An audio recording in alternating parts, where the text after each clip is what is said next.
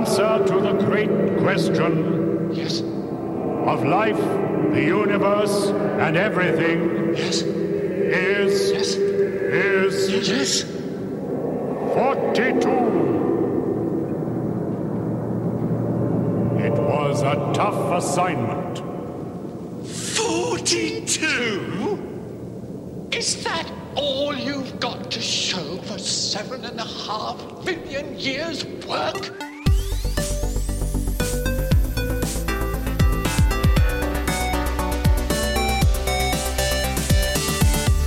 Hallå och hjärtligt välkomna till Fulkultur. Den eh, folkbildande och sedelärande podden från oss eh, galna nördar här på Geeks. Vad säger ni om det? Varmt välkommen känner jag mig. Ja. Är det verkligen så? Ja. Eh, mitt emot mig här så Ja. står ju Ida, Ida Blix. Ja. Rätt efternamn. Ja, rätt Satt som efternamn. en smäck. Som att jag aldrig hetat något annat. Nej, precis.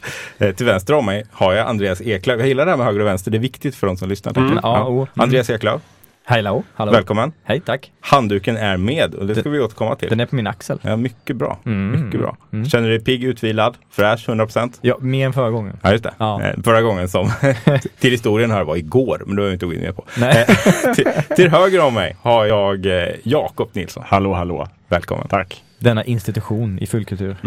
Eh, jag har hört att du skulle vara med i det här avsnittet hela tiden var planen. Det var allt, absolut planen. Det var inte så att jag hoppade in nu för fem minuter. när- Eftersom vår kära kollega André sitter fast i SL-kaoset.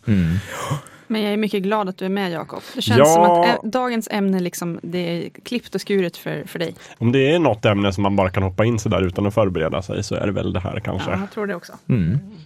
För vad är det egentligen vi ska prata om idag? Vi, kan ju börja med att säga att det här är avsnitt nummer 42. Det är en given ledtråd. Oj, oj, oj, ge det några hints till lyssnarna. Handduk och 42. Ja, precis. Det Mm. känns ju som att alla som vet vad vi ska prata om vet det nu. Ja. Ni som inte vet, eh, Ni vet läs det vi kommer att prata om. Precis. Nej, vi ska ju givetvis prata om eh, Liftarens guide eh, till galaxen. Ja. Denna fantastiska eh, epos i, vad är det, en trilogi i fem delar? Är det inte så? Just Ja. det. Men innan vi gör det så ska vi såklart eh, fundera lite på vad vi har fulkulturell seriespisat. Ja, det hittar jag på själv. Jag Ja. tror det. Mm. Fint ord. Vi- Sedan på. sist, och det här blir extra kul för er då som, som pratar om samma sak eh, ganska nyligen. Vi spelar in ganska tätt nu för att vi ska, ni ska bli underhållna hela sommaren. Mm, men vi redde ut det förra avsnittet tror jag, att vi kommer att använda smart planering under sommaren för att kunna sända varannan vecka. Mm. Men det betyder också att vi kanske inte går så lång tid mellan inspelningsjagen. Nej, precis. Så det gäller att man kan separera sig själv från gårdagens själv Just och vara en ny person. Mm. Det. Men jag kan ju börja annars där eftersom att jag inte var med igår. Men vi pratade faktiskt lite om eh, när jag var med sist och konstaterade att antagligen var Mass Effect-avsnittet. Mm. Mycket uppskattat. Ja, kanske. Jag tror det är det mest lyssnade avsnittet vi har faktiskt. Mass Effect. Mm. Eh, mycket populärt. Men, eh, och då var det extra passande att jag faktiskt spelade klart Mass Effect Andromeda igår kväll. Vad tyckte du om det då? Alltså, tre och en halv. Mm. Vi får inte ha halvbetyg nu för tiden, men tre och en halv av, eh, av fem. Så men hur var det skönt att bli klar då? Det var skönt att bli klar. Jag tyckte slutet, eh, slutet i sig, eh, men, men eh, sista delen av spelet to- tog sig lite ändå. Eh, medan vissa andra grejer som jag hela tiden har retat mig lite på har cementerats mer. Det är mycket resor och speciellt eh, lojalitetsuppdragen för, för mina kära kamrater var väldigt mycket. Åk till den här planeten, prata med en person och sen ska vi åka till en annan planet, till ett annat solsystem, prata med en person, alltså en konversation och sen hämta en pry, alltså i, Ja. mm, Inte kul. Nej, frustrerande. Och det blev extra tydligt, för jag hade sparat många lojalitetsuppdrag, så körde jag dem efter varandra, pang, pang, pang, pang bara, och då Och då blir det ännu tråkigare. blev en viss tydlighet i det. Så nu, det, nu är inte jag klar sådär och du får helst inte spoila allt. Men fick du någon form av känsla över om de har tänkt att storyn ska fortsätta? Man kan säga att det finns ganska, jag skulle vilja påstå att det finns eh, möjligheter Ja, till det. Mm. Eh, det gör det absolut. det. Som kanske inte blir uppfyllda på ett bra tag med tanke på att spelet har gått sådär. Nej, det är väl alltså hur mycket DLC det blir om vad de kan, men det finns absolut möjligheter till att göra mer material och det märks, känns som att det är tydligt att de har lämnat öppet för det, eh, skulle jag vilja, vilja påstå. Så eh, ja, det är till handlingarna. Jag har faktiskt epilogen kvar att spela ska jag säga. Jag ska gå och prata med mina party members. Ja, har jag som uppdrag just nu. Det är ju trevligt. Ja, just. Är det då ni liksom tar en kaffe och ställer er runt eh, liksom någonstans. Runt eh, den holografiska Just det, projektionen Just och det, där och bara prata lite. vad vi nu gör. Lite och satt eh, rym, rymdskeppet, hunden. Ja. Bilen. Man har ju faktiskt mycket bil. Ja, just det. Ska säga. Ja, nej, men det är väl egentligen det, det mest fulkulturella jag har gjort det sista. Det är typ det och sen har jag tittat, börjat titta på Doctor Who faktiskt. Nej. Ja, det har jag gjort. Inspirerat av Jag inspirerat av fulkultur Nej, men och framförallt av Thomas Ytterberg skulle jag säga. Ja. Ehm, Men vad, hur, vart började du? jag börjar på säsong fem som Den rekommenderat. är, den är på Netflix right? Ja, Ja. jag har också precis som Ytterberg reagerat på att det ser för jävligt ut faktiskt. Ja, ja, Netflix-versionen men jag, har, av jag eh, har också försökt. Ja. Och jag, jag måste säga att hackar och Mm, det ser inte det, bra det är någonting där som är svårtittat. Men Jag är precis klar med säsong fem faktiskt och eh, har precis börjat på säsong, eh, eller förlåt, series, det brittiska series, series 6 antar jag att det är då. Mhm. Så det, det har jag också gjort. Mm, men visst är den ganska fartig och rolig? Ja, det där, var- det där lät väldigt bestämt. Precis det finns bara ett svar på den här frågan. Men det, det är ganska mysigt och det är väldigt så här, det är precis exakt vad jag förväntade mig det skulle vara. Lagom nivå på hur seriöst det är och det håller ihop ganska bra mellan avsnitten. Vissa tramsigare än andra, men, men alltså jag, sitter, jag är nog inte lika mycket fan som er andra. Jag sitter inte så här superfokuserat, men har det igång lite så här vid sidan av. Har visat sig vara ett succérecept skulle jag vilja påstå. Inte samtidigt som jag spelar Mass Effect, det vore nog jättejobbigt. Men när jag gör annat, till exempel äter. Och sådär. Mm. Jag får kämpa vidare alltså. Jag har börjat, men inte liksom Ja, men tog- det tycker jag. mm, Det tycker puckla jag. vidare. Själv då, Ida? Ja, alltså jag har ju då spenderat den lilla tid jag har när jag inte springer runt hemma och jagar bebis från att göra dumheter. Så har jag förberett mig för det här avsnittet genom att lyssna på radioteater. Mhm. Eh, och sen har jag eh, tittat lite på eh, tv-serie som hör till det här avsnittet. Så jag har mest förberett mig för det här tror jag, som är av fullkulturellt värde. Jag har en ambition om att få spela eh, på, jag har ju lånat en 3DS här av, av Jakob. Mhm, det. Och nu kommer jag till Pucci, spelet. Eh, Yoshi's Woolly World. Exakt. Nej, ja, men den ja, Pucci-versionen. precis. Ja. Det har jag en ambition att spela. Eh, för jag tror att jag kommer älska det. Men jag har liksom inte kommit igång. Så att, ja, jag ska ta tag i det. Mm. Ja, det var där den var. Jag hade glömt bort vad Nintendo 3DS hade tagit Ja, den är vägen. hos mig. Just det, så var det. Ja, jag har långtidslånat den så länge nu så att du har glömt att jag har Ja, men jag har ju ny, nytt 3DS också hemma. Så att Ja, det är bra. Tur för det är dig. lugnt. Jag är all set. Nu när det kommer ett, ett Metroid-spel också till 3DS. Mm. Äntligen! Som vi har Äntligen, väntat ja. i 15 000 år Ja. känns det som. Så det är det du ser fram emot? Japp. Det Hur det. länge ska du ja, men det kommer redan i september. Så Mm. det blir De har jobbat på det länge. Mm. Mm. Ja, men det blir fint. Bara säga det. Har du, har du fått eh, Magnus att spela något mer Horizon Zero Dawn? Eh, i, I morse faktiskt, på väg hit, så låg Horizon på, eh, liksom, på väg ut ur lägenheten kan man säga. Jag bara, ska jag ta med den här till Emil? Eller liksom, för han har lånat den av dig va? Ja. Och jag bara, han bara, nej, nej, nej, nej, jag ska bära ner den. Jag bara, men vad gör den här uppe? Här finns ingenting att spela på. Så, Men, så han eh, sk- vet inte om han spelar så Ambitionen mycket. finns kan man säga. Han jagar också bebis tror jag. Ja, han gör ju det. Det är full fart på den där lilla rackaren. Ja. Ja. Har ni gjort något fulkulturellt eh, Eklöv och Nilsson här? Om sedan, ni eh, har. Ja. Vill du börja? Jag kan börja. Eh, som, det, som vi inte tog upp i senaste avsnittet, eh, säga igår, eh, så har jag kollat eh, klart på House of Cards, det sista avsnittet där nu. Eh, och sen så började jag spela på Horizon Zero Dawn, för det har legat på min hög. Eh, nu när jag spelar klart Destiny så tänkte jag att nu jäklar, nu kör jag igång med det. Så började jag även på Yoshi's New Story på eh, 3DS. Mm, trevligt. spela lite så att, äh, lite så här, eh, varit och stoppat fingrarna lite här och där. I Alla alla möjliga. Ja. Ja. Mm, mm, mm.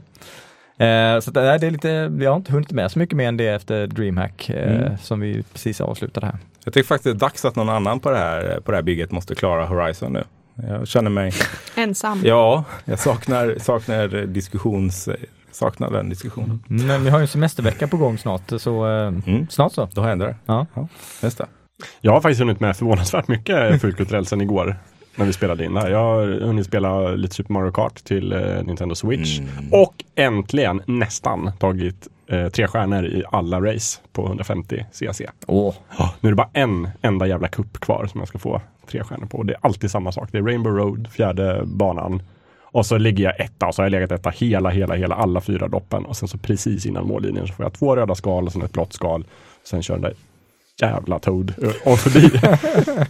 och så får man två stjärnor. Jag tycker det är hårda krav på att få tre stjärnor. Jag håller med dig och nu har jag inte ens spelat det på Switch utan bara på Ja. vanliga Wii U. Och man blir skitförbannad. För att det är så, man tycker man har, nej det är för svårt. Nej, men, Det är för precis, svårt. och jag håller på med exakt det här varje kväll. Jag kör två lopp varje kväll och försöker vinna i Ja. en vecka ungefär. Bara den här, eh, en dag ska jag lyckas. Ja. Då. Toad alltså. Jaha, min, Förbannade nem- min nemesis. De borde gå och röka honom. Verkligen. Utöver det så lägger jag all min, min eh, fritid åt att titta på Twin Peaks. Som jag fortsätter. Nu har du egentligen, nu är det liksom en, ett avsnitt i veckan.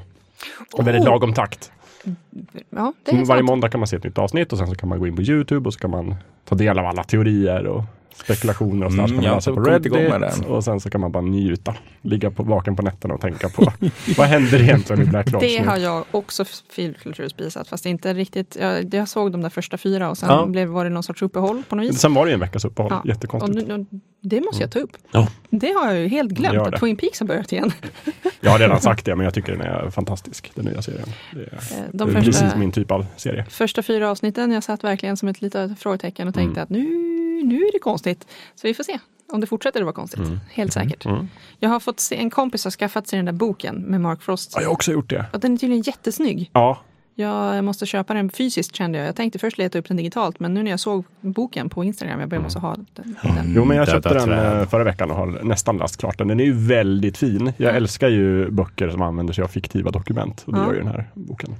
Ja, den bygger på en massa polisrapporter, eller hur? Ja, Det är polisrapporter och det är utdrag ur så här, Dr. Jacobys eh, bok som han skrev på 60-talet när han var hög som ett hus. Och lite så här hippie-ikon. Och det är lite, ja det är så här eh, memoarer från olika karaktärer. Och, ja, fantastiskt. köptips till alla Twin Peaks-fans Mm, alltså. ja, verkligen. Vi har ju faktiskt hunnit med, eh, speciellt ni två, nästan oroväckande mycket sen igår. Det handlar om att vara effektiv med sin Ja, tid. jag hör det. Ja. Ja. Ja, då vet jag inte om Klara Mass Effect liksom. Det, det är lite nästan på minuskontot. Här, Precis, med tanke på hur länge sedan du var med. Så Ja, är väldigt verkligen. Lite du Ja, hur lång tid jag har tagit på mig att klara det där jävla spelet också Mm. för den delen. Men eh, så ligger det till. Jag heter förut Emil Åkered, jag vet inte om jag sa det förut. Det vet väl alla eller? Ja, det- vem vet, man kanske inte känner igen min Lena Vi får ju stämma. faktiskt, om man kollar trenden så får vi ju fler och fler lyssnare. Så det är ju inte alla som kanske vet vem Emil Åkered är, för du är inte med varje avsnitt. Nej, det är ju jag. Mm, det är du. Ja. Det är ju jag som kör. Då blir det bråk. så, så, så ligger det till. Jag går ju faktiskt på semester nu tänkte jag. Så att, eh, det är ju alldeles, alltså inte just precis nu, eh, men det är alldeles eh, excellent utmärkt bra att, att konsumera en del fulkultur och även då jag, jaga bebis. Ja. Inte samma bebis som dig ska sägas. Nej, nej, vi har varsin. Ja, har vi. Men de har ungefär lika full fart på. Det är 17 timmar mellan dem. Har vi Mm. räknat ut. Ja. Mm. Så det är nära, nära bebis. Mm. Vi synkroniserar här på Geeks. Ja, verkligen. Ska det vara så ska det fan vara. Ja, ja, ja. Det är så det ligger till. Men i alla fall, dagens, eh, dagens ämne. Det, det är ju den här, den här boken. Världens, eh, världens Samlingen av böcker. Ja, samlingen. Men jag noveller. tänkte ju på boken i sig. Som är boken om boken, boken i Ja, själva guiden. Precis. Det här vänliga, fina uppslagsverket som behö- innehåller allt du behöver veta. Och Mm. innehåller inte det så kan du bara titta på framsidan och vara nöjd. Precis, för vad står det där? Don't panic. Don't panic. Ja, just det. Eller ta det lugnt om man läser svenska översättningen. Frågan är om man vill göra det. Eller Ja men inte. eh, ofta, jag sätter en peng på att de flesta av oss först läste den svenska översättningen. Mm, det stämmer nog faktiskt. Ja. Eh, Och det ska tilläggas att vissa skämt fungerar bättre på svenska. De, de flesta är bäst på engelska, men det finns några skämt som är roliga på svenska Va? faktiskt. Vilka då? Eh, d- avslutningen på ett kapitel som eh, för övrigt är det som har fått mig att skratta högst. Eh, när, eh, jag kommer inte ihåg vilken av böckerna det men eh, står- står- står- sista meningen i kapitlet är och på stranden kom det en trollkarl gående, men ingen behövde honom. Ja. Så fullständig nonsens. Det är roligt, men Ja. är det roligare på svenska? Ja, jag tycker faktiskt Okej, det. ja. Ja, just så tack för fisken. är också Ja, men på trollkarl är ju roligare än wizard. Ja. Ja. där fick han ju till det. Ja. Mm. Men vad är det vi pratar om egentligen? Alltså för de som inte har någon aning om eh, vad, vad Lyftarens guide är så låter ju det här som fullständigt nonsens. Vilket ska sägas en stor del av Lyftarens guide också är. Men, eh, Ja, men vad det, är det vi är, det är en pratar stor om del av behållningen. Ja. Det är mycket nonsens. Det här handlar alltså om, eh, om böcker, en bok beroende på hur man vill se det, Ja. av eh, Douglas Adams. Mm. En briljant hjärna i all sin nonsenshet. Ja, Mm. precis. Eh, och egentligen så är det väl, är det inte fem böcker? Jo. Jo. Fast det är sex egentligen nu för tiden, för de har skrivit en till sen han gick bort. Ja, men det är lite så här, mm, räknas den? Nej. Om folk går till biblioteket och hittar en sjätte bok, då måste de ju veta vad saken handlar om. Ja, precis. Jo, det, är en sjätte, det finns en sjätte bok med, men den pratar vi inte högt om kanske man kan säga. Eller jag vet inte, jag, jag vill minnas att jag läste den, att den var inte så fruktansvärd, men eh, det är ju inte, det är fel. Ja. Det, är, ju- det är inte rätt. Nej. Vi, vi kanske får- kommer fokusera på de fem böckerna, som är ju då en trilogi. Ja. Väldigt viktigt att komma ihåg. Because Douglas Adams. ja, precis. Och, så kommer han- de, och så kommer de från radio. Det är förvirrande det här. Mm. Men det är så med Douglas Adams. Det är väldigt svårt att hänga med. Han, eh, han skrev de här på 70-talet, Ja, slutet, om jag någonstans, minns rätt. Det någonstans, så? någonstans in början, början 80-70-talet någonstans Mm. måste det ha varit. Och, eh, de handlar ju alltså, fokuserar då på, på Arthur Dent. Visst är det så? Ja. Som huvudperson. Jakob tittat Nej på men mig du söker hela En- tiden en- bekräftelse. en jordman. Jag bara tittar runt Ja. här. Jordmannen Arthur Ja. Dent. Som Eh. lever ett eh, händelselöst liv. Precis. In, eh, fram tills dess att eh, jorden helt enkelt eh, ska eh, undanröjas för en intergalaktisk eh, motorväg. Precis, Mm. det är så det ligger till. Mm. Eh, men det som är själva titeldelen här då, det är ju den här Liftarens guide till galaxen som i böckerna är en, en bok, ett uppslagsverk kan man säga, med allt värt att veta i universum Ja. eh, om allt. Särskilt, särskilt om man ska lyfta runt där. Precis, eh, vilket man då eh, ska göra. Ja. det, det är ju en del, av, en del av behållningen med det här. Och det är ju då någon liten eh, fickdator kan man väl säga, eh, den här guiden som, Precis. som man går runt med. Och som man kan söka upp saker. Tänk 70-talet, försökte koppla det här till någon form av Ja, då är det, i, da- i dagsläget skulle det väl motsvaras av en app. Kan jag tänka mig. Galaxen, appen. Allt skulle Lite rymmas i en app. Ja. Det verkar ju vara en dedikerad enhet ändå. Ja men precis, ja, men någon, det är ju någon form av fickdator Ja, ja, men liknande grej. Ja. Det är det. Men, eh, men idag så skulle det säkert varit en, en app. Det hade ju räckt med en app. Ja precis, en app på internet. Fast det är kanske är svårt på internet. I galaxen. Ja, ja oklart hur det funkar. Galactic Men Cat. eh, i, i boken och alla de andra i radioteatern och så, så kan ju guiden uppdateras genom subbeta-nätverket. Så att det är ju ändå lite sådär. Mm. Modernt liksom. Men de har ju ändå så här, eh, undersökare, forskare, vad man nu ska kalla dem, som reser runt och uppdaterar och lägger till information Mm. till den här liftarens guide till galaxen. Mm. Bland annat en herre, For Perfect. Ja, precis. Ja, som Arthur Dent stöter på eh, just innan det börjar gå dåligt för planeten jorden. Precis, och som är, blir på något sätt hans eh, bästa vän. Mm. Just det. Men han är ju inte alls från jorden. Nej, det är han inte. Han är från en liten planet eh, i närheten av Beetlejuice. Beetlejuice. Så? Ja. Så, så så ligger det till. Och det här, jag kan tänka mig nu försöka förklara premisserna för den här boken. Att de som inte förstod något innan, de förstår nog fan inget något nu heller. Men det är också lite av Men charmen och oroa er inte behållningen kära lyssnare. Ni kommer inte förstå något alls. Nej. Ja, nej, men eh, den är, det det är lite svårt att sätta sig in i det här. Mm. Eh, faktiskt, måste jag säga. Men så ligger det till. Men när, och jag har många gånger försökt förklara storheten med den här bokserien till, till andra. Jag har, jag har tagit fram den här till folk som inte gillar att läsa böcker. Och bara, men den här måste du ju ändå gilla. Alla gillar den här boken. Och, och sådär. Men det är svårt att förklara vad, vad som är Mm. stort med Mm. den. Men det ska också sägas att de allra flesta som har läst boken gillar den. Ja. Det, finns så mycket i Det den här. Så svårt att inte Ja. gilla. Precis. Ja, om, man, om, man, om man gillar udda humor på något sätt och, och eh, fantasirika eh, sci-fi äventyr så det finns inte mycket bättre än så. Det, den är ju i en klass för sig. Mycket konstigt. Mycket konstigt. Men där har vi i alla fall själva grundpremissen. Eh, farfar Arthur jag på att säga, men Arthur Dent tillsammans med, med Ford. Eh, de är på jorden. Sen kommer då vårnerna och ska anlägga en intergalaktisk motorväg och därför måste de ju då riva jorden. Ja. Och jorden eh, har ju då haft all tid på sig att klaga på det här på sitt lokala planeringskontor. eh, i, Alpha Centauri. Ja, precis. Eh, Det är bara fyra ljusår härifrån. precis, och de är väldigt lata då som inte varit där och lämnat in sina protester i tid. Ja. Det är ungefär det som är grundpremissen. Och sen så eh, åker Arthur och Ford iväg och sen De liftar. tillkommer såklart. äventyr så att säga. De Men- lyfter såklart. ja. Med galaxens eh, president. Eh, just det. Safod Bibelbrox. Bibelbox. Ja. Två huvuden. Framförallt känd som uppfinnaren av den pangalaktiska gurgel... Brännaren. Brännaren. Ja, Mm. ja. Just det. Precis. Man ska inte dricka många av den. Det är aldrig mer än två Nej. om du inte är en megaelefant med ja, galopperande lunginflammation. Är det så det ligger till? Ja. Och i ett skepp som framförs av osannolikhetsdriften. Precis, som heter Heart of Gold va? Just det. Mm. Så är det så. Eller Hjärtat av guld på Jag älskar hur de kom fram, alltså hur den, den uppfinns. Eh, Det är ju massor av liksom, galaxens mest framstående fysiker som kämpar på med att uppfinna den här osannolikhetsmotorn. Och sen är det liksom typ städaren som råkar pilla ihop allting lite av, misstag och bara oj, det här funkade och så blir det, det var roligt. Det är ehm, också den som den här os osannolikhets principen används också en del på partyn, förklarar de, eller hur? För att flytta värdinnans kläder två meter åt höger och sådana här saker. Eh, innan de kommer på att man kunde applicera det på lite mer eh, Ja, rimliga saker. Precis. Jag har en bok hemma eh, om Douglas Adams där han svarar på en massa frågor och så. Då är det ett fan som skriver in till honom och frågar så här, varför skriver du science fiction? Då svarade han att nej men det jag, gjorde jag inte egentligen, det var bara det att jag överdrev väldigt mycket. Check. ja, det är därför det blev så här. Ja, det känns ju väldigt, väldigt Douglas Adams. Ja, Mm. Ja, det gör det.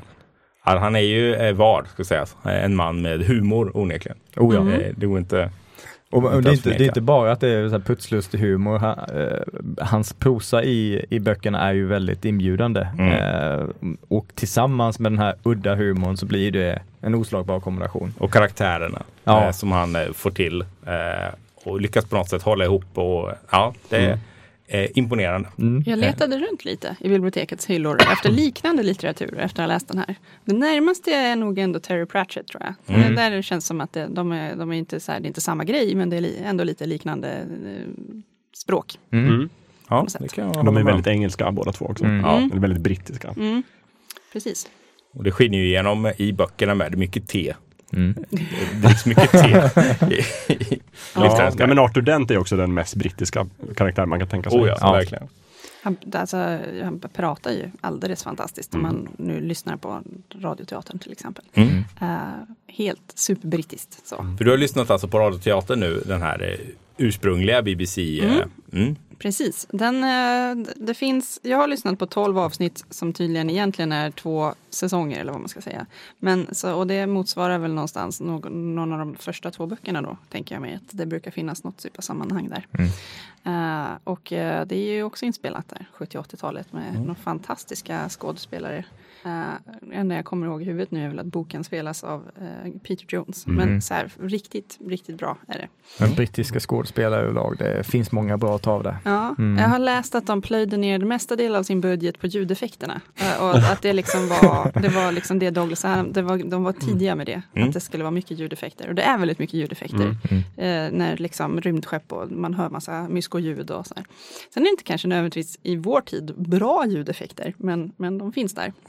Eh, och bidrar till stämningen. Liksom. Jag vill ju passa på då redan nu lyfta fram den svenska eh, översättningen av Radioteatern. Som också har en samling med riktiga eh, stjärnskott som röstskådespelare. Där har vi liksom Sven Wollter som guiden och senare då Ernst-Hugo i senare avsnitt Åh. som guiden. Så bara det. Och sen är det Adde Malmberg tror jag som spelar Arthur Dent. Var det inte där Och, vi lyfte de här namnen i någon fördiskussion här och Ja. André är känd André-stil. Så väldigt frå- hade- såg Ja, frågan och det ut. var då han inte längre fick vara med i det här avsnittet. Så det är så vi löser det. Peter, Peter bara Hyttner spelar eh, Ford Prefect också. Mm. Och han, vad heter han, Helge Skog spelar ju Seyfod. Mm, det. är en bra. fantastisk Ja. uppsättning. Mm. Jag måste lyssna på den också. Mm, jag har nu. den med, du kan få Ja, låna den sen. Eh, En fråga då bara. Har de gjort om Arthur Dent så att han är liksom, jag vet inte, som en stockholmare då? eller någonting, Adde liksom? Malmberg skulle bli väldigt förolämpad om du kallar honom Nej, men jag- stockholmare. men han är liksom- väl skåning. Ja, men okej, så sko- men de han har inte- den här äh, skånska, Okej, han, han är skåning helt enkelt. jag vet inte. Ja, de- är ju liksom i England, där man Okej. nu bor någonstans. Men Sen pratar han lite brittiskt fast på svenska. Mm. Ja, ja. Annars var det ju lite populärt där en period att svenskifiera den här typen av saker. Mm. Eh, och det blev ju sällan bättre om man ska vara helt ärlig. ja, men eh, den måste jag ta tag i. För sen finns det ju också eh, en gammal BBC-serie från Ja. 80-talet va? Jag spanade in första avsnittet på Youtube idag. Ja, just det. Eh, där de också, som är väldigt, väldigt, väldigt eh, trogen till, till böckerna. Det är nästan ordagrant trogen till böckerna om jag minns rätt. Eh, till skillnad då från, eh, från filmen som kom senare. Och så Eh. återanvänder de skådisarna från eh, Radioteatern i tv-serien. Alltså, det är så? Inte kanske alla, men flera av dem är med. Så ja, Peter Jones Pe- till exempel Peter Jones är med. guiden. Mm. Så det var fint tyckte jag. Och Där är det också väldigt massa fin grafik för guiden kommer jag ihåg. Som också är väldigt eh, 80-tal. Ja, verkligen. Introt var jättecoolt också. Mm. En stor eh, astronaut-staty Ja, i det. studion. Som liksom kommer glidande. Ja, fint, fint. Ja, för just eh, på tal om introt, det är ju med överallt, vi var inne på det tidigare, men på den här guiden då, det är en ganska viktig grej som återkommer, så står det ju då Don't Panic med stora lugnande bokstäver. Så tanken är ju då när man är ute där och lyfter, känner att allting håller på att gå skogen, ska man ta fram det här och titta på den. Ja, Ska man andas djupt. Ett zen moment sådär. allt kommer Ja. lösa sig. Mm. Precis. Och det gör ju det förvånansvärt ofta för Arthur Dent. i Ja, men det gör ju det. Mm. På det mest osannolika sätt. Oh, ja. Med tanke på Göteborg. Göteborg. Bara för att få lite perspektiv på Douglas Adams och var han kommer ifrån så läste jag någonstans att när han fick idén till hela det här Liftarens guide till galaxen så var han ute själv och liksom luffade runt i Europa och hade då en bok som var Liftarens guide till Europa. Ah. Och så var han liksom luspank och låg svinfull på en äng i, utanför Innsbruck.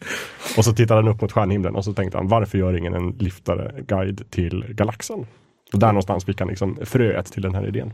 Fantastiskt. Mm. Ja, det är faktiskt Då har han ju ändå gjort lite, levt som man liksom lär. Eller vad man Ja. ska säga. Ja. lite research. Mm.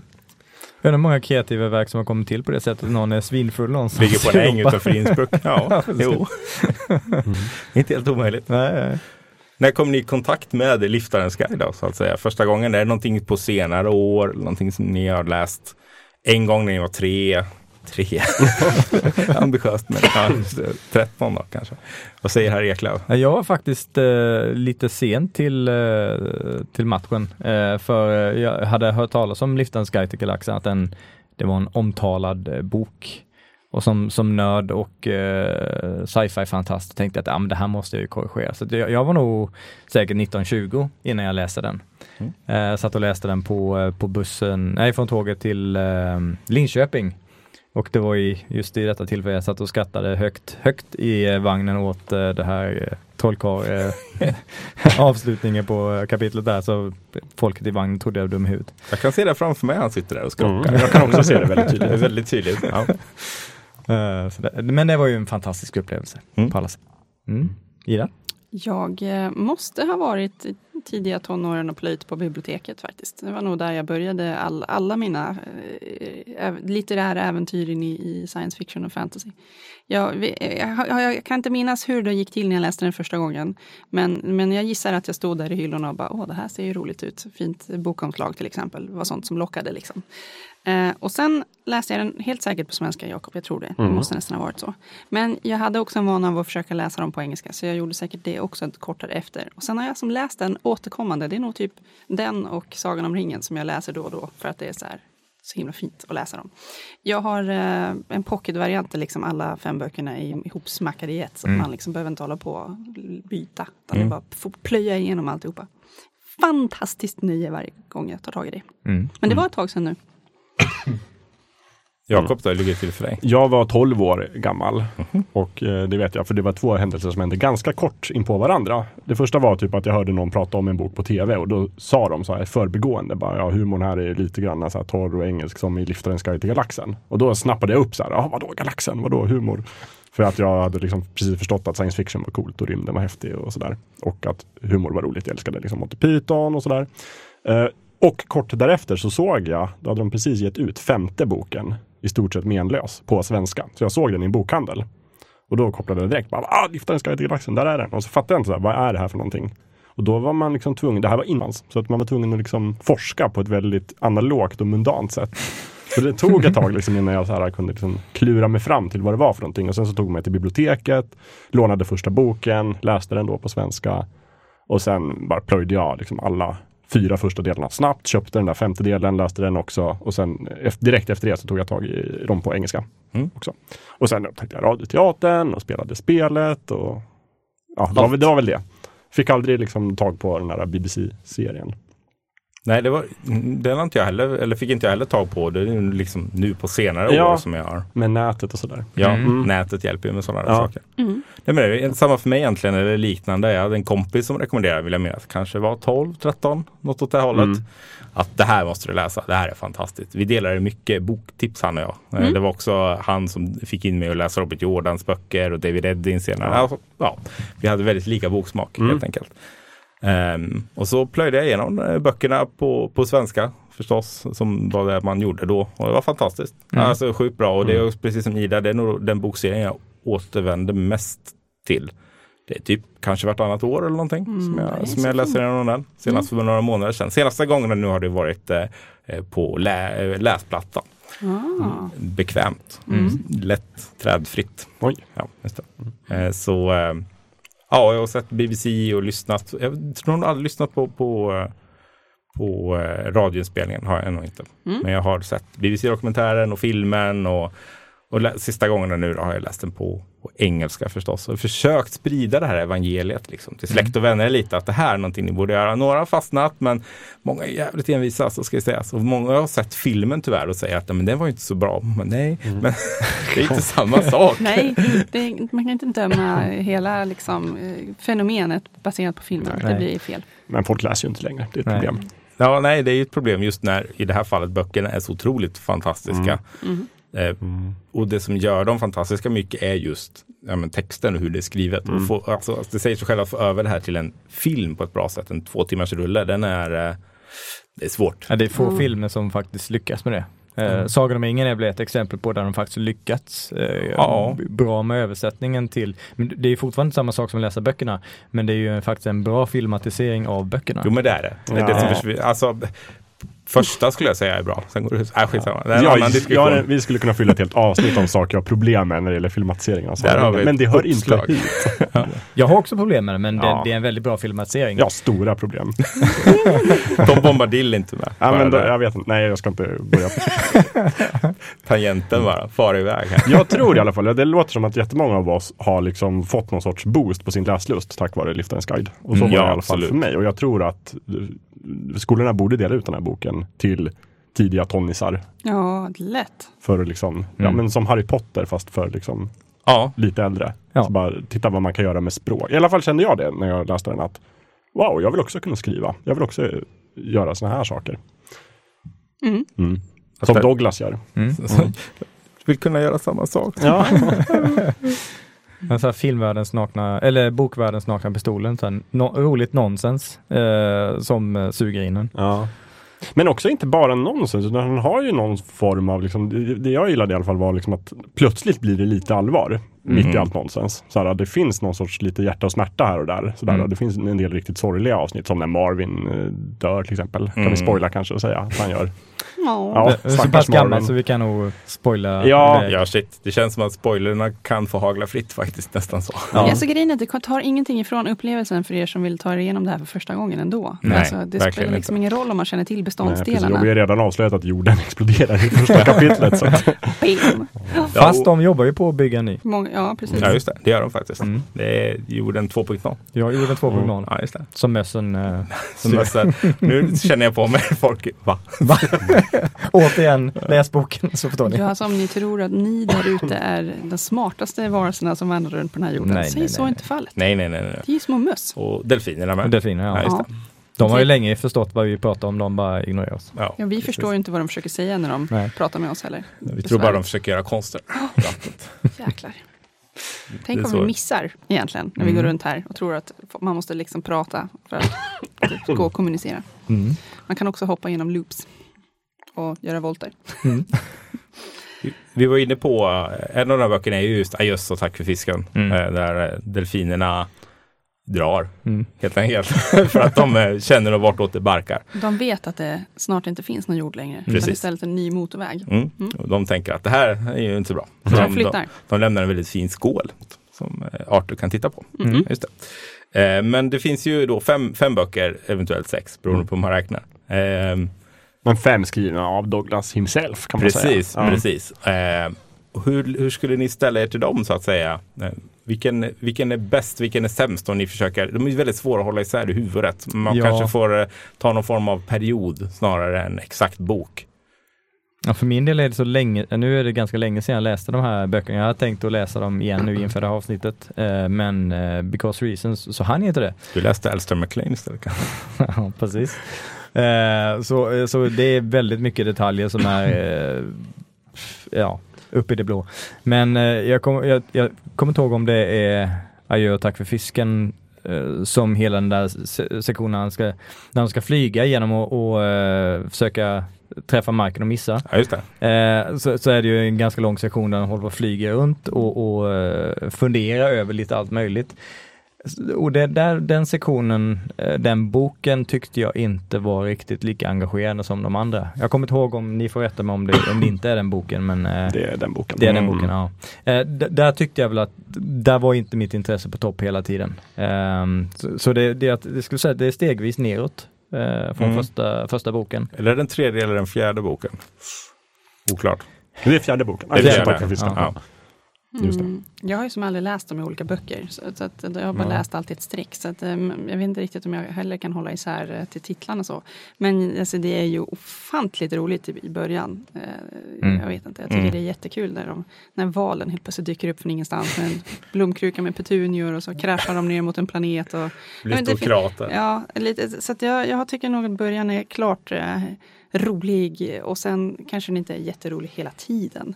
Eh, Seifert Bibelbrox är ju en smula, i, nu i radioteatern var han väldigt störig eh, i bara hur han pratar och liksom, han är ju också väldigt flummig snubbe. Mm. Knarkar säkert en hel del då, som tänker sig att han inte Dricker många Gurgle Gurgle Blasters. Blasters. Ja, lite Mm. så. Han är inte min favoritkaraktär, så när det är väldigt mycket med honom så blir det väl kanske lite tråkigare. Mm. Liksom.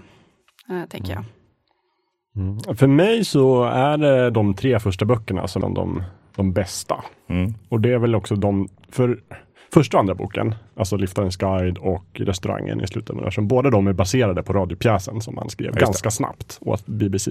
Lite så här vecka för vecka. Mm. Eh, och sen så tredje boken tror jag, den byggde fortfarande på någon gammal idé, faktiskt Doctor Who-manus Mhm. som han hade. För han skrev ju manus för Doctor Who tidigare.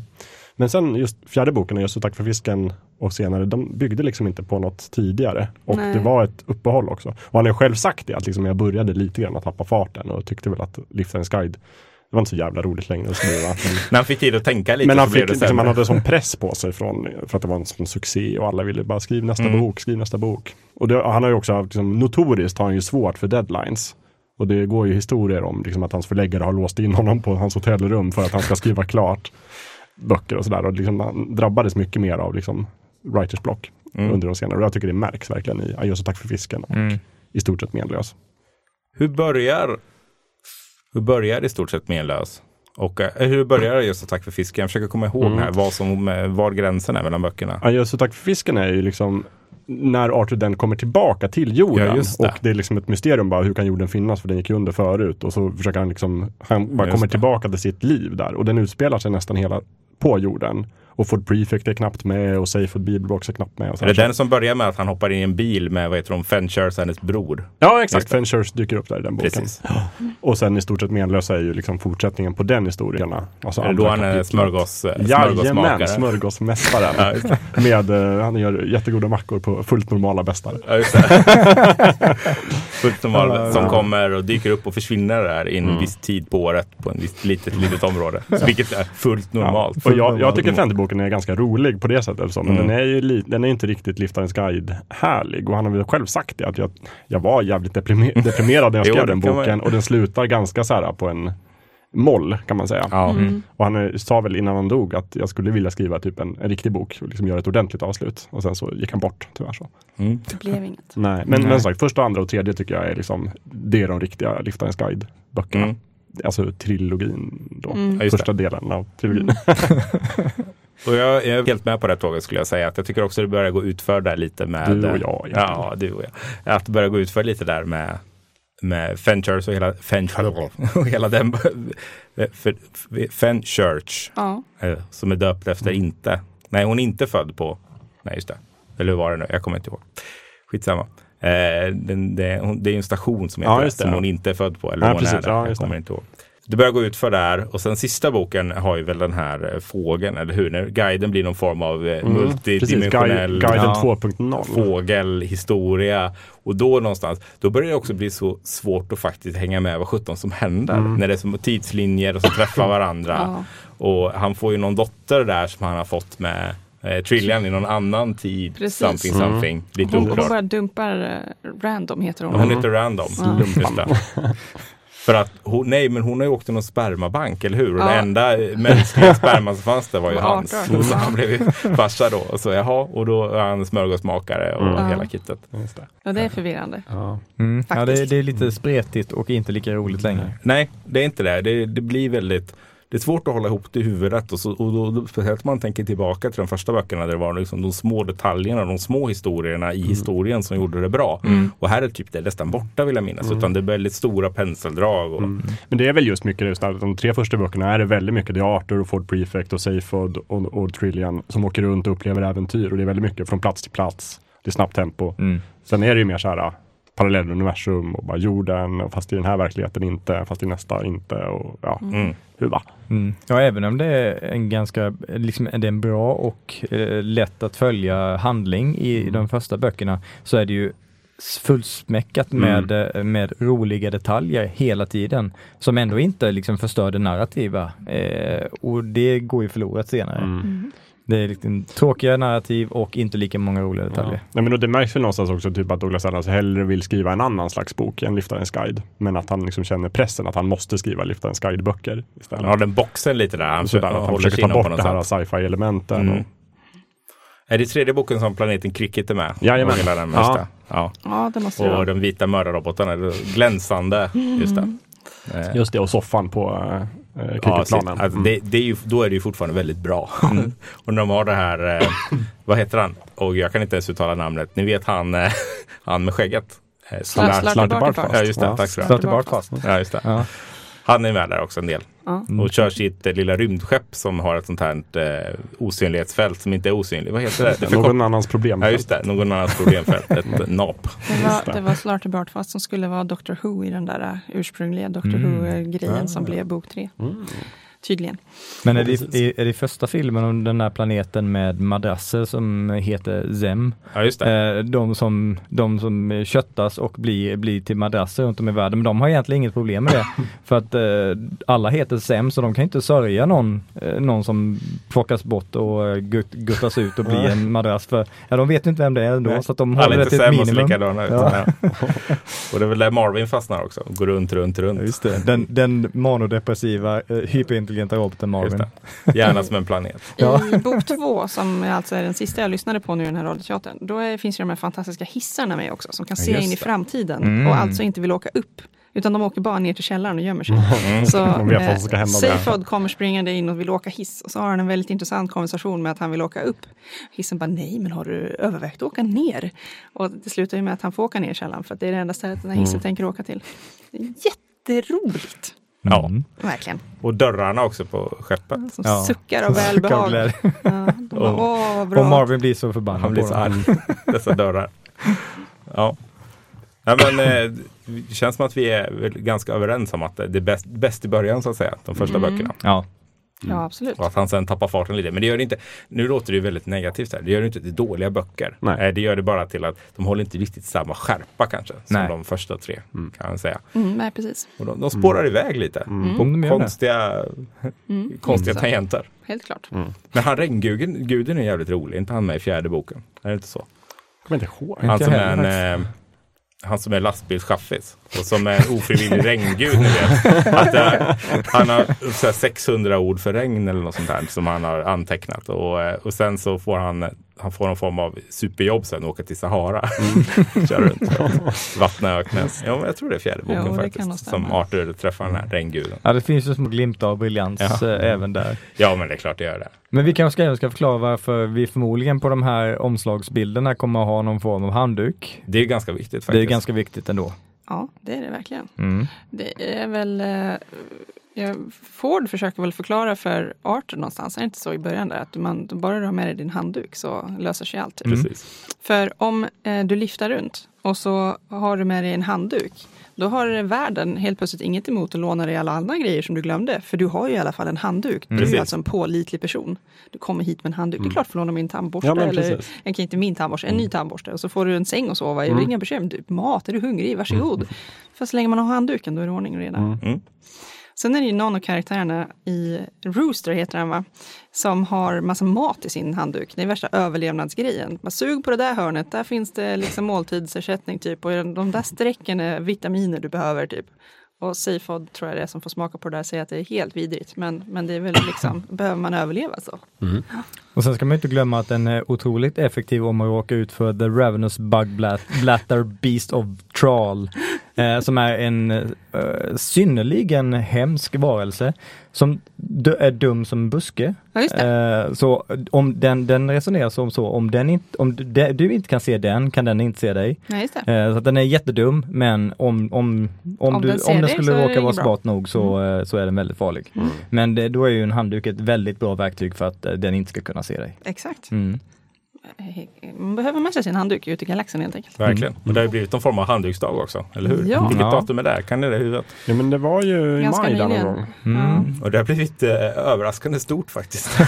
Ja, vi har Det väldigt, eh, Jag har det uppskrivet i min kalender så det var inte allt för länge sedan. Nej, Fast- Jag skulle vilja säga att det var 11 maj eftersom att det var då Douglas Adams gick bort. Ja. Ja, just det. det måste det vara. Sen så är det ju, står det också att eh, om handduken skulle råka vara eh, tillräckligt ren så kan du också torka av den. Mm. Precis. Ja, just det. Det är ju- Den har den bonusfunktionen. Det är en bra bonus. Något annat som är väldigt eh, är framträdande i början i alla fall är ju den lilla fisken man stoppar i örat. Ja. för att, eh, Babbelfisken. Det är så de har löst problemet med att folk eh, ska förstå varandra. Enkelt. Jag är med på den liksom, vetenskapliga förklaringen till hur babbelfisken fungerar. Men man har en liten fisk, en Mm. babbelfisk, så stoppar man in den i örat. Då var det någonting med järnvågor. Den som äter järnvågor, ja, som den lever liksom på dem. Kan, Mm. Och så helt plötsligt förstår man vad alla säger. Just det. Och babbelfisken är också ett, det yttersta beviset på att Gud inte existerar Ja, precis. Ja. på något sätt. Så de får På ihop något det. sätt. Mm. Eftersom att en sån otroligt användbar varelse skulle ju inte kunna uppstå ur en slump. Nej. Ja, just det. Så då, men jag Då kommer inte ihåg finns hur det- de får fram Det, det. är, men det finns också, det, det relaterar också till en del böcker som någon har skrivit, Ja. eller hur? Typ så här, Jo, men- varför Gud inte... I, När Gud de- gjorde bort sig. Ja, precis. De introducerar ju guiden som att den är en större bästsäljare än alla de här böckerna Ja, om hur. Gud gjorde bort sig. Vladin Solofim eller något sånt där heter han. Skriver Massor av böcker om hur Gud inte finns. Ytterligare några av Guds klavertramp. Vem i hela friden är den här Gud egentligen? Utgivet av de stora förlagen på, vad är det, Ursa Minor. Ja, Just det. Ja, det är fantastiskt. Och eh, Babelfish blev ju sen också en, eh, kanske den första riktigt kända översättningsmotorn på internet. Mm. Man översatte sina fraser från Finns den kvar? ett språk till ett annat. Jag vet faktiskt inte om Eller Babelfish blev är den kvar. uppköpt och inkorporerad i något annat? Google heter väl bara Translate. Ja, Så det är lite tråkigt. Den är säkert uppköpt av AOL eller något sånt där. Ja, så att ingen använder den längre. Nej. Precis. Nej, men det är ju verkligen eh, spridits in i IT, IT-åldern. Kan man säga. Mm. Douglas Adams och hans, eh, hans värld. Ja, Mm. och han hann ju ändå vara med där lite innan han gick bort. Han var ju väldigt, väldigt liksom pro-internet och liksom en teknikfanatiker. Så han var ju tydligen den första brittiska medborgaren som köpte en Mac till Åh, exempel där på 80-talet. Eller om det var Stephen Fry som var den första, men någon av de två i alla fall. De var liksom första och andra. Mm. Och så där, han skrev ju rätt mycket liksom, små krönikor i, i Macworld. Åh. Mm. Och, så där, så. och skrev dataspel också. Det är ju det, rätt. På Liftarens guide bland annat. Mm. Gjorde han ett eget Liftarens guide-spel. Ja, så här textäventyr till Infocom. Intressant. Det är också skiljer sig väldigt mycket storymässigt eh, från alla andra såklart, men det var väldigt, väldigt roligt. Ja, det har jag aldrig, aldrig eh, spisat. Det rekommenderas. Det är tydligen hur svårt som helst. Mm. Men eh, med en guide så kan man spela det. Aha, Man behöver alltså. en guide alltså? Ja, En guide till guiden. och sen så skrev man ju till ett textäventyr som heter Bureaucracy. Som är också helt otroligt roligt. Humor den där karln. Ja, han har en viss humor. Ja, då så. Då har vi lite att ta tag i, även vi som trodde vi hade koll på till precis. galaxen. Mm. Kan vi gräva oss tillbaka till gamla spel? Ja. Det är ju en eh, jättetrevlig tangent. Mm. Kan, kan någon ha översatt dem till någon sorts app, tro? Det finns eh, såna här eh, motorer som kan köra Infocom-spel på en iPhone eller en iPad. Så det går nog att ordna. Vad bra. Mm. Vi pratade lite om olika karaktärer i böckerna förut. Har ni någon eh, absolut favorit? Ja. Jakob kan... Ja. Hugg in. Ja men en spontan som jag skulle vilja lyfta fram och nu minns jag inte vilken bok han är med i. Men det är ju den här varelsen som har evigt liv. Och som väljer att Ja, använda det. den tiden. Då bestämmer han sig för jag ska förolämpa alla, men alla varelser i hela universum. Och sen så åker han runt med sitt skepp Och bara och sen så bara folk. förolämpar han folk. Ja.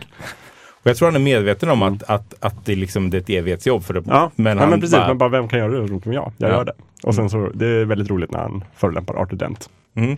Och han råkar förolämpa Lars Rent två gånger. Är det Just inte så? det, precis. Han är väldigt förvirrad. För de har rest i tiden. Ja, Kul tycker jag. Kul sån här mycket liten sido, sidokaraktär. Ja. Han bara är där. Eh, alltså min, jag, jag, mitt hjärta slår lite extra slag för Marvin. eh, för att alltså, han är så fruktansvärt... eh, Alltså, om bara folk hade ställt rätt frågor till Marvin någonstans i början av böckerna så hade inte resten av böckerna behövt hända. Lite så. för Marvin han, han är jättesmart. Han brukar, I filmen så har han ett jättestort runt huvud. Men jag vet, inte, jag vet inte om jag hade tänkt honom så riktigt innan jag såg filmen. Men i Nej. alla fall, han har en hjärna som är typ som en stor planet eller någonting. Han är jättesmart. Men någon gång så bestämde sig mänskligheten, tror jag, eller vem det nu var som tog fram honom, att, att eh, robotar ska nog ha lite personligheter. Och då just eh, Marvin är ju ett experiment som gick lite fel kan man säga. Han är ju jättedeppig, alltså så fruktansvärt deppig så folk orkar ju inte umgås med honom. Eh, och så har han en konstant smärta i dioderna på sin, ner sin vänstra sida. Ja, lite såna här grejer.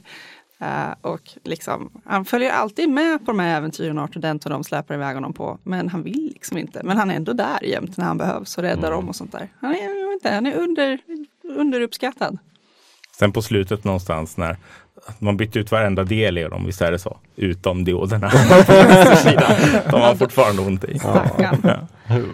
Ja. Stackarn. Vad har ni för favvisar då? Ja, alltså jag, jag hade, när jag läste böckerna så hade jag ingen specifik favorit. Jag, jag tyckte att det var alla de här små detaljerna, alla de här konstiga varelserna och de konstiga tankarna de hade som var det bästa med, med, med, med boken eller böckerna. Ehm, jag får nog också säga att ja, om jag ska välja ut någon så är det nog Marvin. eh, för han är lite av en röd tråd genom det hela. Bland alla de här lustigheterna på alla möjliga håll i, i galaxen så säger han massa roliga saker och är, säger deppiga saker när de är mitt i en eldstrid eller Ja. håller på att utforska någonting spännande så kommer han och klagar och suckar. Och, ja, det, det, är, det är väldigt charmigt och roligt. Så att, eh, jo, jag får nog också säga Marvin om jag ska välja ut någon specifik karaktär. Jag behöver ju tyvärr hoppa på samma tåg där. Jag känner också att det är Marvin. om jag ska. Ja, han, är, han, han skiner verkligen och eh, en av sakerna jag, jag gillar i filmatiseringen är att jag, jag tycker Marvin är väldigt bra där också. Eh, Och lite lagom mysigt deppig. Men annars så här små karaktärer som kon i restaurangen. Också väldigt, väldigt roligt avsnitt. Kon som kommer ut och ska då Ja, diskutera hej. vilka Ja, delar vilka, som är Vad vill du äta för Ja, något? den här humör och sen går den och skjuter sig själv istället. Så. och så kommer de in med biffarna sen och ingen, ingen är hungrig. Förutom Är det, är det inte också så att den här blomkrukan eh, Jo, men som, som faller med eh, valen att om, om vi skulle få reda på vad, vad den här petunian tänker på så skulle vi lära oss eh, allt om gu- universum.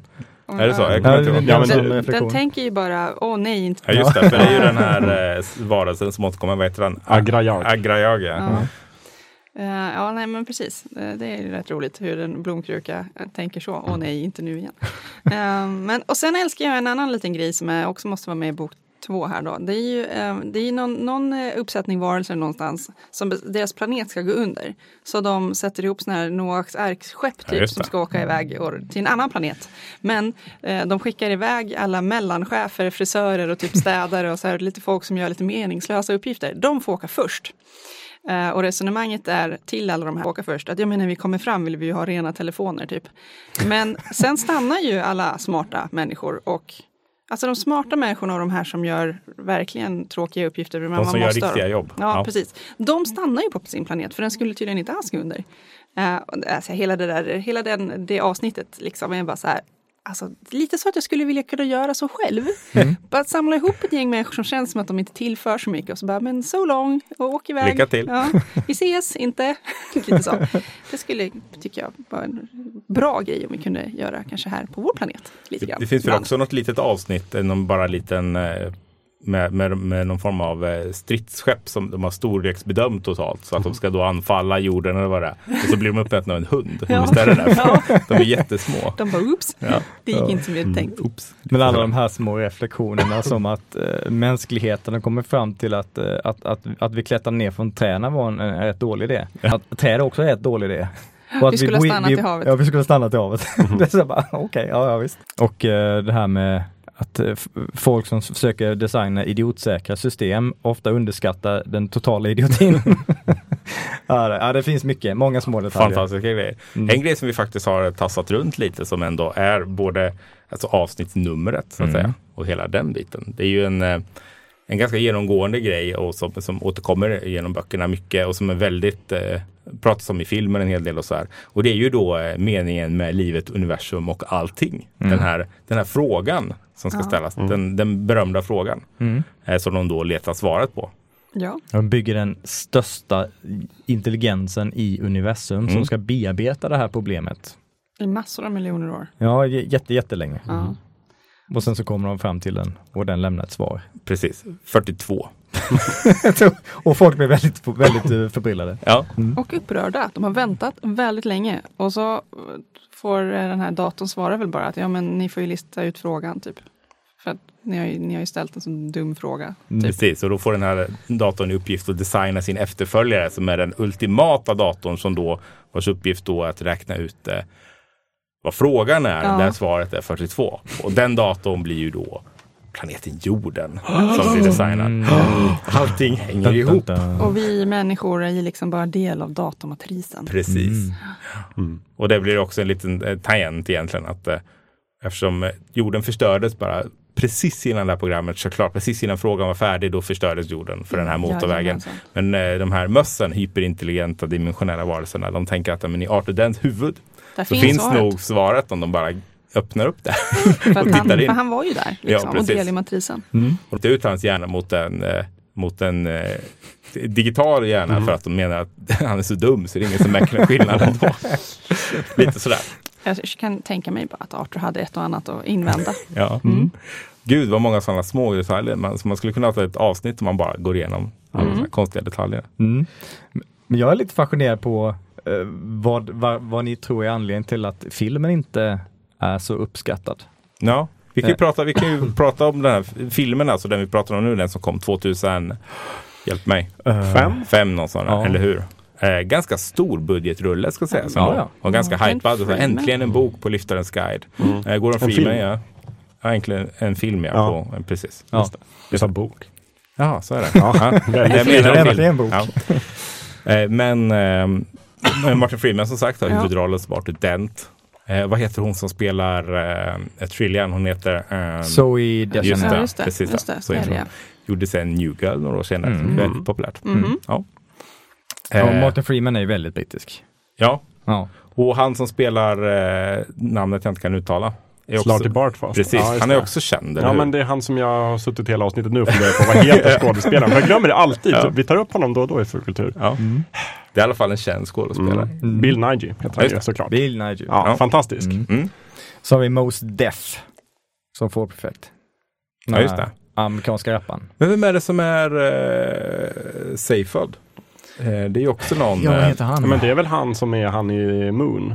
Ja, precis. Sam, eh, Sam Rockwell. Sam Rockwell. Så är ja, det. just det. Mm. Shit Tack. vad ni kan. Ja, just det. Så det är en ganska, i alla fall en ganska stark line-up. I alla Mm. fall. Men som du var inne på där, så den här filmen, alltså den är ändå hyfsat uppskattad ska man väl Den är säga. inte Men, jättedålig är den men inte. den är inte, eh, Liftarens guide-fans har svår, generellt svårt för det, skulle Mm. jag kunna säga. Vi har ju till exempel eh, Jonas, vår kära kollega, som inte har läst böckerna. Han tycker väldigt bra om filmen, tycker Mm. den är bra. Eh, och, och sådär. Men antagligen är det väl det här vanliga att har man läst böckerna först så är den lite svår. För den, den, den tar ju vissa eh, ganska ordentliga avsteg kan man ju säga. Ja. Men jag tycker folk är vad hade, ni, vad hade ni förväntat er? Folk har orimliga förväntningar. Ja. Man ska filmatisera saker. Jag tycker det är en bra film. Ja, jag tycker också om den. Jag tycker den är mysig, det jag. Men jag, den hade kanske varit, vad ska man säga, psykologiskt mysigare om det inte hade varit Liftares guide-film på något sätt. Mm, mycket Men jag, jag vet inte riktigt varför, men jag tycker inte att den känns tillräckligt brittisk. Jag tycker den, den känns lite för amerikansk film. Den hade gärna få haft både så här, i dialog och framtoning och generell attityd vara mer brittisk än vad den är. Eh, det, jag tror det är lite det som är problemet för mig. För annars är det en, det är en bra tolkning av, tolkning av böckerna. För man kan ju inte återskapa det som finns i, i bokformen. Eh, alla de här små detaljerna i en, en enda långfilm. Det, det funkar ju inte. Så en film som lyckas lite på det temat är ju Amelie från Mon- Montmartre. Det är också väldigt mycket fokus på små detaljer hela tiden. Men, men eh, nej, alltså hela boken skulle inte gå att koka ner till, till en liksom lag, lagom lång film. Det, då skulle vi behöva prata så här långa Sagan om ringen, liksom eposfilmer. Mm. Det hade de nog Jag tror det skulle vara svårt att få det Ja, roligt på det sättet som jag tror de ville landa. Eller alltså stort Ja, bombastiskt på det sättet som de ville landa med, med den här. Med den här filmen. Men, men sen är det väl också det att liksom, en filmatisering var ju på gång så otroligt länge. Jätte, jätte, jättemånga år. Och liksom Douglas själv höll ju på liksom, och han åldrades ju typ tio år bara genom att flyga fram och tillbaka till Hollywood och försöka liksom Ja. komma på något avtal. Så alla ville göra film på Liftarens guide men liksom det blev aldrig någonting så. så att förväntan var väl extremt stor tror jag. Mm. Alla dessa fans som väntat i 20 år på en film. Jag vill inte minnas att den börjar ganska troget till böckerna.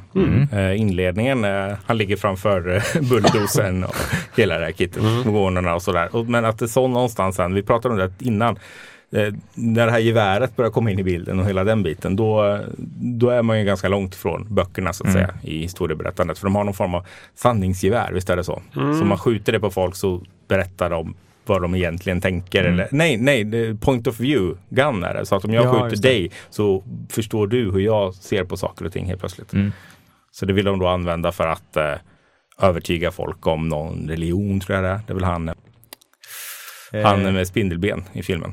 Ja, just det. Ja, psykologen, Seyfoods eh, psykolog. Ja, han är inte typ någon form av arch enemy nästan. Ja, Jo, och psykolog. typ. Ja. Ja. De har i alla fall, eh, Seyfoud vann över honom i presidentvalet, visst är det Mm. så? Till galaktens president.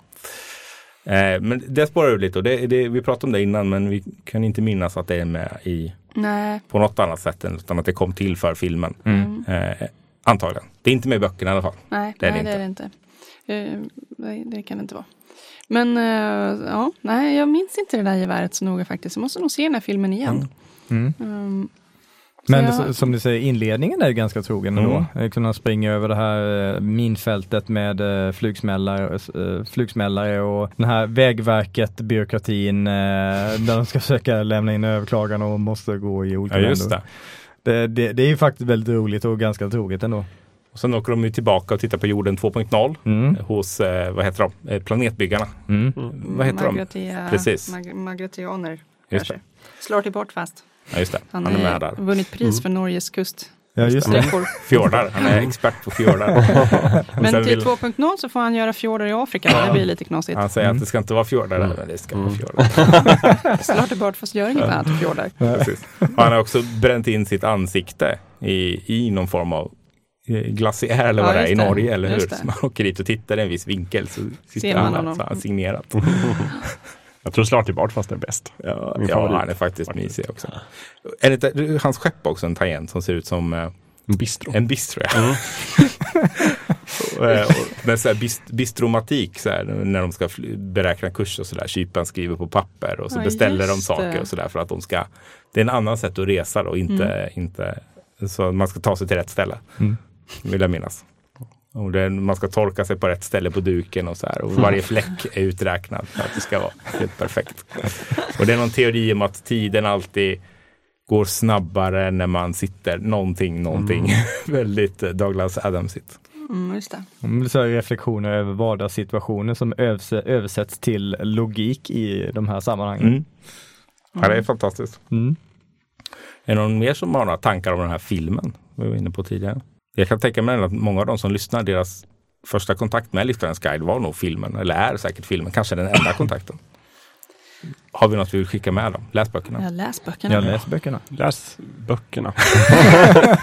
Och, och, eh, om man vill lyssna på den här ursprungliga radioteatern så finns det att köpa och skivor, håller jag på att säga, men eh, digitala kan man köpa den. Nej, men, alltså, Liftarens guide har ju getts ut i allt nu. Det finns böcker, radioteater, de trycks på handduk. Eh, det finns på skivor, CD-skivor, LP långfilm. Ja. Ja, alltihopa och alla versioner är lite, lite annorlunda. Men jag tror att de flesta kan vara överens om att böckerna är liksom, de kanske inte kom först, men de är de som är liksom de mesta. Ja, Mm. kompletta paketet. Precis. Så läs boken och sen de andra böckerna. Tycker man inte om boken, då gillar man nog inte någonting annat. Nej, det tror jag inte. Det, då är man död som människa. Ja. Ja, För mig. då är man humorbefriad. Humorbefriad måste man verkligen vara. Ja. Mm. Ja, nej, det kanske börjar bli dags att eh, knyta ihop säcken här. Om det är någon som, är någon som har en sista, sista grej de vill tillägga, tipsa, jag vet inte. Jakob, jag, Jag börjar med dig så du inte får vara sist. Verkligen han gå in på varje liten detalj. Och den Du känner boken. det? Ja, inte Mm. alls faktiskt. Nej. Precis i Jag skulle, nej, nej jag vet inte. Vi Det kanske var- får göra ett follow-up avsnitt sen. Oh, ja. Mm. Jag känner det med, jag har massa grejer i huvudet Mm. som, oh, det där borde vi Ja, prata om. Och så bara, men, för att jag tänker att de i andra änden som lyssnar nu, de börjar tycka Mm. att det här börjar ju blir långt. Ja. Antingen tycker de att det här eh, är helt, helt obegripligt eller så tänker de den här måste jag läsa. Och då ska de ju gå och läsa den istället för att lyssna på oss. Men vi kanske ska börja med högläsning av hela boken. Ja, Här ser jag någonting. då har vi ju ett Ja. helt gäng av Kan inte du göra det på din semester? Ja, vilken bra idé. Ett avsnitt av Fulkultur varje dag med specialedition med bara nästa kapitel i Ja, lyssnarens dialekt. jättemysigt. Och så Ja, göra nej. rösterna och sådär. Ja, visst. Ja. Nej, men eh, jag vet inte, det finns som ni säger massor kvar att prata om, men eh, jag vet inte, jag tycker att ni ska hålla ordning på era handdukar där ute. Eh, leta reda på boken om ni inte redan har gjort det. Eh, har ni läst den så ta fram den igen, herregud. Njut av eh, Bra semesterlektyr. Verkligen. Verkligen utmärkt semesterlektyr skulle jag vilja påstå. Ja. Och eh, avsluta med adjö och tack för fisken. Mm. Precis. Och ta det lugnt. Och ta, Ta det lugnt. Don't panic. Har någon den blekaste aning om vad 42 egentligen är svaret på. Så How many ju, roads must a man walk down? så kan ni ju tipsa, liksom, hör av er till oss. Vi Var det finns inte den någon med sig till frågesporten? Tror jag. Och eh, sen får ni väl gärna ge oss feedback i största allmänhet. Lite stjärnor i iTunes och lite sånt där. Ja, Fulkultur precis. alltså, inte guide till galaxen. Hjälp till ni- att sprida fulkultur. Gå in på iTunes, eh, lämna betyg där. Det Ja. är, vi jätteglada för. Ge oss gärna feedback på Facebook eh, och, Tumblr. lite, och Tumblr. Vi har våran eh, Tumblr, furkulturpodden.tumblr.com Ja. eh, där, man, där alla avsnitt finns och alla sådana här länksamlingar. Och Instagram. Och Instagram. Instagram. Man kan Alltså jag följa. måste ändå slå ett slag för Instagram. Jag tycker om Fullkulturs Instagram. För att man får alltid lära sig lite mer om ett avsnitt under veckan. Eller ja, tills nästa avsnitt börjar så att säga. Det, det, är det du som sköter det här Jakob? Ibland. Du gör ett mycket bra jobb. Ja. Mm. Ja, det är väldigt, väldigt trevligt. Så den tycker jag ni ska gå in och följa. Fulkulturpodden även där. Ja. Mm. Eh, och sen som sagt Facebook, Fulkulturpodden. Man kan gå in och eh, om man vill prata lite om det här avsnittet och sådär. Eller så kan man till exempel ringa hem till Jakob och prata om Mm, det. Det behöver man inte Jag göra, har men man hans telefonnummer här på min handduk. För att jag, jag glömde min handduk så jag har lånat Jakobs handduk. Har du ett telefonnummer på din handduk? Det är faktiskt det är alltså en gammal handduk som jag hade när jag var liten. Min, min mamma som har sytt in mitt Nej telefonnummer. men vad mysigt. Jag blev helt plötsligt jätteglad. du, ifall du glömmer handduken på badhuset Just typ ja, eller något. precis. Eller på är en annan planet. Mm, Ja. exakt. Ja, just så, det. så det är alltså inte jag själv som syr in mitt telefonnummer på alla mina handdukar. För det vore galet.